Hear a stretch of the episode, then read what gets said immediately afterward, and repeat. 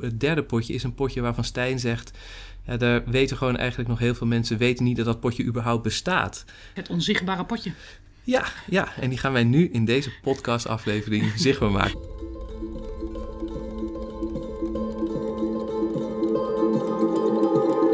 Mijn naam is Rosanne van der Lucht en ik probeer elk jaar een leven te redden. En tot nu toe lukt me dat. In de podcastserie Levens redden ontdek je hoe. Ik geef hierin mijn interpretatie van het boek The Life You Can Save, geschreven door moraalfilosoof Pieter Singer. In elke aflevering bespreek ik een thema en ik doe dat samen met Bram Schaper. En dat ben ik. Ik ben directeur van Stichting Doneer Effectief en ook ik probeer levens te redden en te verbeteren. Iets wat me ten diepste motiveert en waar ik in 2022 zelfs mijn werk van heb kunnen maken. Ik heb, net als Rosanne, dit indringende boek ook gelezen en ik denk dat het goed is als hier meer aandacht voor komt.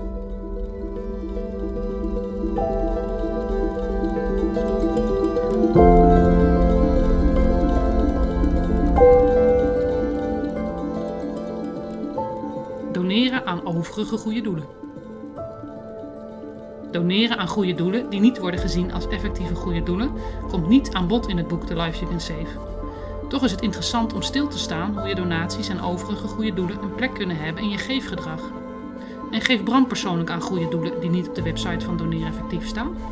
En geef jij aan goede doelen die niet op de website van Doneer Effectief staan? Laten we het daar ook over hebben.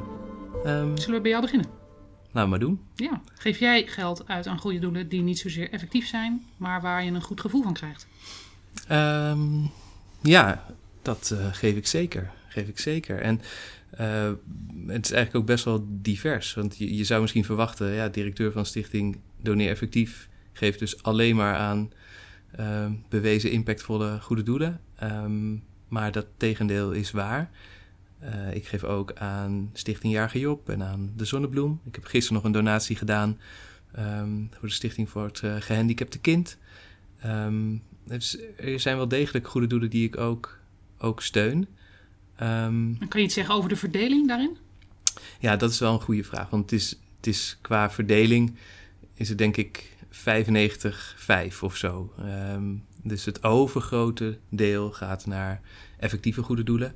Ehm, maar er zijn, zeker, ja, zijn dus ook goede doelen die ik, eh, die ik ook steun. Ik denk dat het belangrijk is om uitleg te geven over hoe je daarmee om kan gaan. Omdat ik daar zelf erg geïnspireerd door raakte over een voorbeeld van uh, moraalfilosoof Stijn Bruurs. Die hebben we in een eerdere uitzending ook wel eens aangehaald. Dat is wel jouw Ehm, voorbeeld, hè? Ja, ik ben, ik ben inderdaad wel gek op deze man. dat klopt, ik, ik blijf hem maar noemen. Maar Stijn, die, die, ehm, die had een mooi voorbeeld van... Goh, je, je zou eigenlijk ehm, je geefgedrag moeten zien... ehm, op basis van drie verschillende potjes. Een potje voor jezelf. Een potje eh, voor goede doelen waar je een bepaalde persoonlijke betrokkenheid bij hebt en een potje voor goede doelen die het meeste impact maken. Ehm, nou, om bij jezelf te beginnen.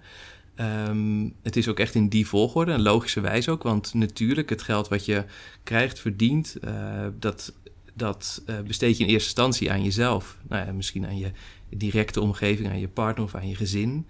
Ehm, heel logisch. In een vliegtuig eh, hoor je het ook bij de safety instructies dat je eerst je zuurstofmasker bij jezelf op moet doen en dan aan een ander moet denken. Dus dat is, dat is heel logisch. Ehm, daarnaast is dat tweede potje wordt al interessanter. Dan ga je het hebben over het weggeven van je geld. Ehm, nou, dat hadden we het over die persoonlijke betrokkenheid. Eh, bepaalde doelen waar je, ehm, eh, waar je een sympathie voor hebt of een bepaalde affiniteit mee hebt. Eh, dat kan ook een vereniging zijn of, of de kerk bijvoorbeeld. Ja, of, of, of een goed doel. Wat bij mij bijvoorbeeld dan Stichting Jarige Job is, of de Zonnebloem. Ehm, en dat laatste deel, eh, die, die, dat deel waar alleen de meeste impact telt, dat is een derde, het derde potje, is een potje waarvan Stijn zegt. Ja, daar weten gewoon eigenlijk nog heel veel mensen weten niet dat dat potje überhaupt bestaat. Dat er zoiets is als dat je ehm, ook die, die daadwerkelijke impact kan nastreven. Dat is het onzichtbare potje. Ja, ja, en die gaan wij nu in deze podcastaflevering zichtbaar maken. Of eigenlijk maken we dit potje natuurlijk in de hele podcastserie, maken we die, eh, zetten we die in het zonnetje. Want ja, dan, dan stel je dus eigenlijk alleen maar het maximale resultaat voorop. En maak je een weloverwogen besluit om ergens voor te kiezen wat ook een verschil maakt in de wereld. En wat ik zo mooi vind van die verdeling van die potjes van Stijn is dat het dus prima is dat het naast elkaar mag bestaan. Dat het ene potje het andere potje niet uitsluit, maar dat het, dat het, ja, ehm, dat het allemaal kan en dat het allemaal ook mag. Dus potje 3 verdrukt potje 2 niet. Nee, nee, nee, nee. Nee, die, die kan je er echt naast, uh, naast er niet overheen ge... wordt er niet overheen gezet. Nee, nee precies. En ik, uh, het, is, het is wel zo dat uh, sinds ik heb kennis gemaakt een aantal jaar geleden met dat er een potje 3 bestond, is wel die verdeling bij me anders ge geworden. Want in eerste instantie gaf ik vooral aan potje 2. Maar het is dus ook daadwerkelijk niet zo dat het in verdrukking is gekomen, omdat ik namelijk aanzienlijk meer ben gaan doneren toen ik kennis nam van potje 3. Ja. Dus ik doe Stichting Jarige Job en de Zonnebloem ook helemaal niet tekort. Uh, en ook uh, de Stichting voor het Gehandicapte Kind van gisteren, ja, die, die geef ik net als dat ik de, die stichting ook jaren teruggegeven zou hebben.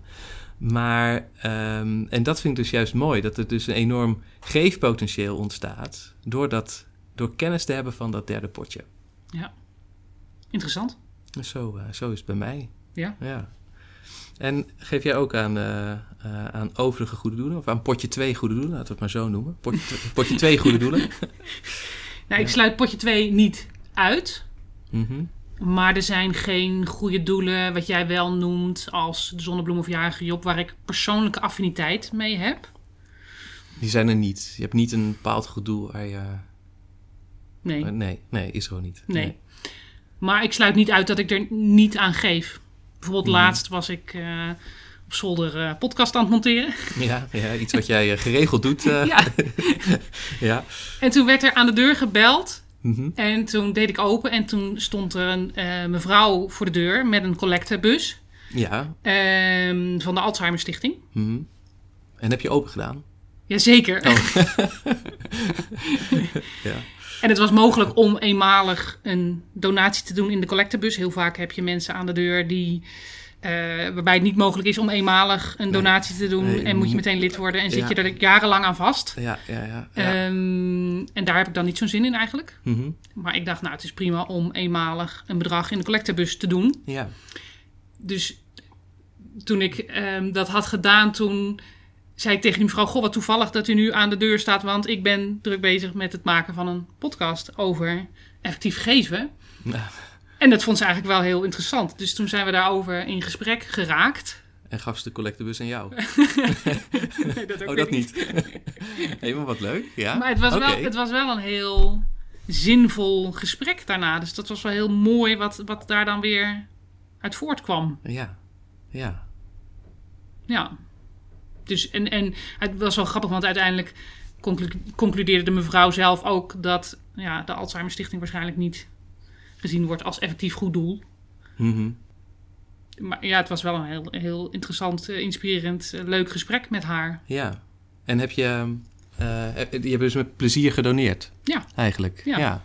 Nou, dat, is, dat, is uit, ja, dat is, lijkt me uitstekend dan. Ja, ja. En ik hoop dat zij ook uh, niet ontmoedigd is geraakt om niet meer voor het Alzheimer nee. Fonds op te, uh, te gaan collecteren. Nee, want ze, was daar uitermate betrokken in en vertelde dat ze ook inderdaad een ouder had die uh, Alzheimer had.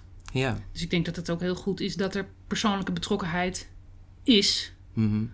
ja, ja dat, dat, dat denk ik zelf ook. Kijk, Um, ik denk ook wel eens, stel, stel, dat, ik hoop het niet hoor, ik moet me afkloppen, maar dat, dat er een familielid van mij komt te overlijden aan, um, aan nierfalen. Ja, dan, ja, dan zou ik vermoedelijk ook uh, een collecte gaan lopen voor de Nierstichting bijvoorbeeld. Ja. Dan denk ik, ja, dat lijkt me, dat, dat, dat lijkt me iets wat je dan, ja, dat je dat dan gaat doen. Ja.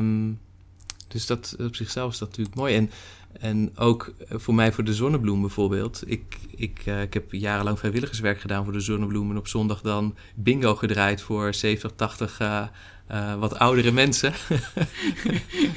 grappig, ik was daar... Ben jij bingo master geweest Ik dan? ben daar bingo master geweest, ja, serieus. Dat is wel grappig, want de, de één na jongste vrijwilliger bij de Zonnebloem, Ja. die was volgens mij 64 jaar. En ik was toen in de 20, denk ik. Dus dat, dat was sowieso een hele ja, grappige, ja, grappig om daar onderdeel zo van, eh, van te zijn. Maar ik ben dat gaan doen omdat ehm, toen mijn opa overleed, toen zag ik mijn, ja, ik zag gewoon hoeveel verdriet mijn oma daardoor had. En als ik dan naar school fietste, dan kwam ik langs het huis van mijn oma en dan zag ik haar daar alleen in haar huis eh, zitten, een beetje ja, naar de tv te staren. En werd, ik werd er gewoon verdrietig van.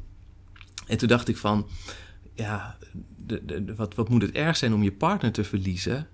Ehm, ehm, en toen heb ik op internet gezocht. eh, eh, en toen kwam ik bij de Zonnebloem uit als een, ja, als een mooie ontmoetingsplek waar allerlei activiteiten worden georganiseerd.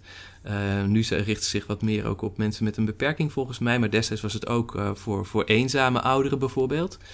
En eh, toen ben ik, ben ik dat gaan doen. Heb ik jarenlang met plezier voor gewerkt en ook loten voor verkocht en zo. Ehm, ik heb dat ook met trots aan mijn oma toen verteld, herinner ik me. Waarop mijn oma wel zei van, waarom kom je niet iets vaker bij mij langs? had, had, had oma ook wel gelijk in. maar, maar ja, ik, eh, dat soort eh, voorbeelden, dat hoort bij potje 2 volgens Stijn. Dat zijn voorbeelden die, die daarbij horen. En ik, ik, ik, vraag me geen, ik vraag me geen moment af wat de kosteneffectiviteit is van de Zonnebloem of van Stichting Jaag Job of, eh of Nierstichting of Alzheimer Stichting. Het gaat er veel meer om dat je, ehm, nou ja, dat je zelf ook een, een goed gevoel hebt aan dat je geeft. En ehm, ja, dat, dat past gewoon heel mooi bij dat tweede potje. Helder, maar nog even naar potje 3. Laten we daarmee eindigen. Mhm.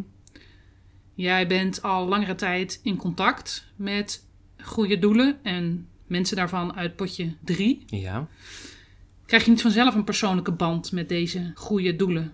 Voel je voor deze doelen geen sympathie of betrokkenheid? Mm, ja, dat, denk ik wel, maar dat is toch tot. Ja, ik denk toch dat het anders is. Uh, dus ik werk nauw met hen samen en dat, dat gaat hartstikke goed en plezierig. Maar um, kijk, deze doelen die zijn op dit moment heel effectief. Uh, potje drie.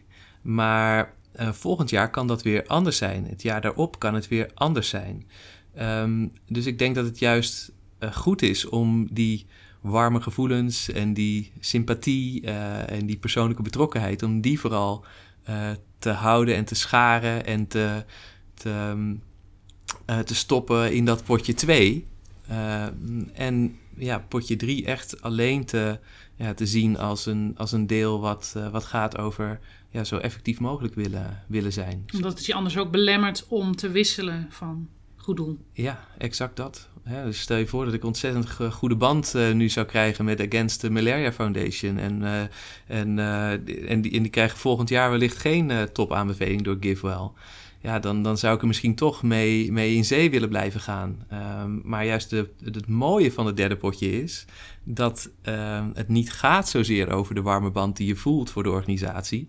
Uh, maar veel meer over wat ze ook daadwerkelijk doen voor je gerealiseerde, uh, voor je gedoneerde euro. Wat ze realiseren voor je gedoneerde euro. Dus ja, dan is het juist goed om daar, uh, daar toch ook met enige.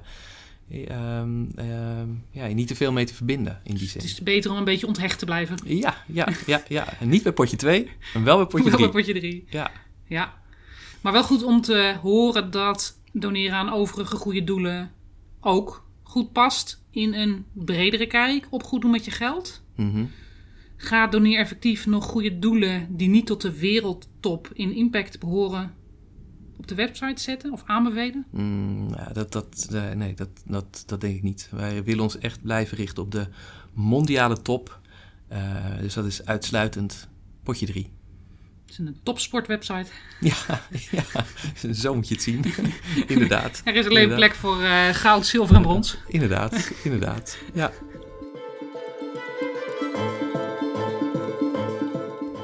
Deze aflevering bespraken we hoe doneren aan effectieve goede doelen prima kan bestaan naast doneren aan overige goede doelen. Het systeem met drie potjes kan hierbij helpen. Geld uit potje 1 is voor uitgaven om zelf gezond te blijven en een prettig leven te leiden. Het tweede potje is voor goede doelen waar je een bepaalde sympathie of een persoonlijke betrokkenheid bij voelt. Het derde potje is het potje van weloverwogen betrokkenheid. Dit potje is voor goede doelen die aantoonbaar wereldproblemen oplossen en waar alleen het maximale resultaat telt.